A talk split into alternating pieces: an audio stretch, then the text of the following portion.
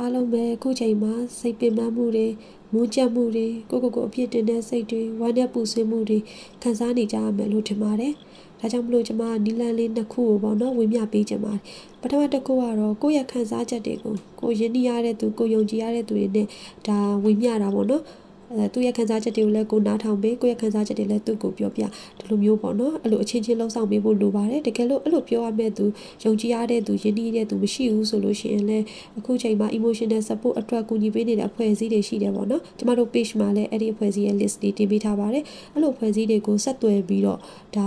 ဝေမျှဖွင့်ထုတ်ဖို့လိုပါတယ်ပေါ့နော် အဲနောက်ထပ်ဒုတိယနီလန်တစ်ခုကကြတော့ကိုမအိတ်ခင်ပေါ့ညီက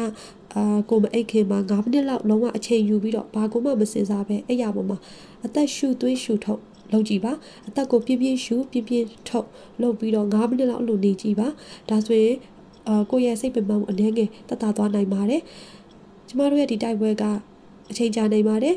ပြီးတဲ့အခါမှာ